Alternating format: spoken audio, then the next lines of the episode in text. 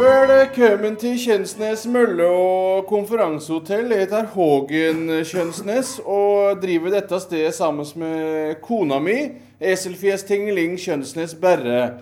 Og vi er faktisk en av Norges yngste hotelldirektører.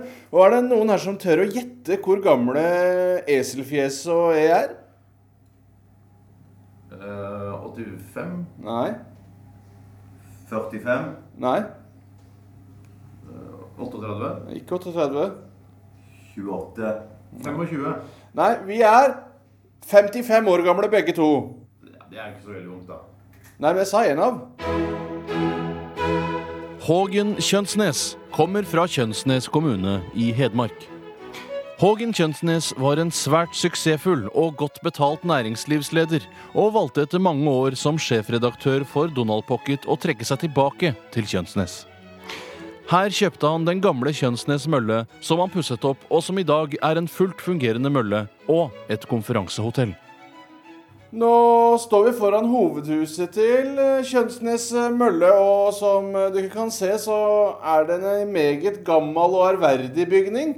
Og er det noen her som tør gjette hvor høyt oppe på Unescos verdensarvliste gamle Kjønsnes mølle står? Eh, 250. plass. Nei? 200. plass. Nei? Eh, 125. plass, da. 50. plass. Nei. Kjønsnes mølle er på førsteplass på Unescos verdensarvliste. Og det betyr at Kjønsnes mølle blir ansett for å være mer verdifull enn Frihetsgudinna, kinesiske mur, Stonehenge, Great Barrier Reef og Taj Mahal. Men er det egentlig en rangering på Unescos verdensarvliste? Virker sånn. Som en del av opplegget på Kjønsnes mølle og konferansehotell kan man følge kornene som vokser på tomta fra det blir høstet til det blir et ferdig brød og serveres i hotellrestauranten. Brødet vi produserer her på Kjønsnes, eh, selger vi også i butikker rundt omkring i Hedmark. Og er det noen her som tør å prøve å gjette hva et Kjønsnes fullkornbrød koster i en vanlig butikk? Eh, Kanskje 100 kroner? Nei. 500 kroner. Nei. 10 000 kroner, da. Nei.